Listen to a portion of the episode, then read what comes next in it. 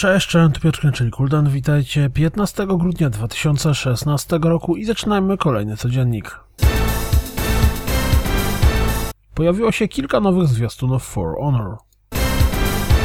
Zwiastunem zaprezentowano... Zapadebo, zwiastunem zaprezentowano Troll and I. Gra ma zadebiutować 24 marca 2017 roku na PlayStation 4, Xbox One i PC. Pisałem już o świątecznym evencie w Overwatchu wczoraj, natomiast czy widzieliście go zwiastun? Warhammer 40 000 Inquisitor w zwiastunie pokazuje nam rozmiar świata gry. Zaprezentowano zwiastun przedstawiający rozgrywkę Sudden Strike 4. Pojawił się nowy zwiastun Sundered i podobnie jak w przypadku Jotuna, ręcznie rysowana grafika naprawdę robi wrażenie. Resident Evil 7 próbuje nas nastraszyć w kolejnym zwiastunie. Pojawił się zwiastun przedstawiający rozgrywkę z Active Soccer 2 DX. Jeśli czekacie na Horizon Zero Dawn, to sprawdźcie nowy zwiastun, czy też dziennik deweloperski. Też macie wrażenie, że Dead Rising 4 jest jakoś tak ogólnie cicho? No, w każdym razie pojawił się zwiastun cytujący recenzję. Zapowiedziano Daymare 1998, survival horror w starym stylu. Przy okazji pojawiły się dwa zwiastuny gry.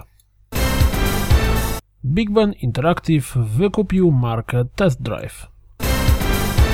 Torment Tides of Numenera pojawi się 28 lutego 2017 roku. Lost Odyssey do końca grudnia jest dostępny za darmo dla wszystkich posiadaczy Xboxów.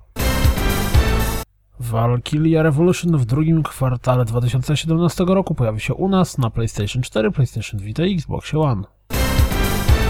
Turtle Rock Studios, twórcy Evolve i Left 4 Dead, zapowiedzieli, że w produkcji znajduje się aktualnie nowy FPS AAA. Miło słyszeć, że Evolve nie pociągnęło studia na dno.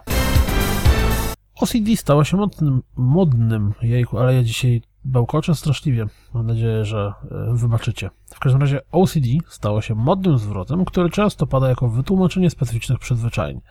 Naprawdę gorąco Was wszystkich zachęcam do przeczytania wywiadu z chłopakiem, który cierpi na takie prawdziwe OCD i to, jak mocno wpływa na jego bycie graczem. Jak widać po tym bugi to prawdziwy, realny, życiowy problem.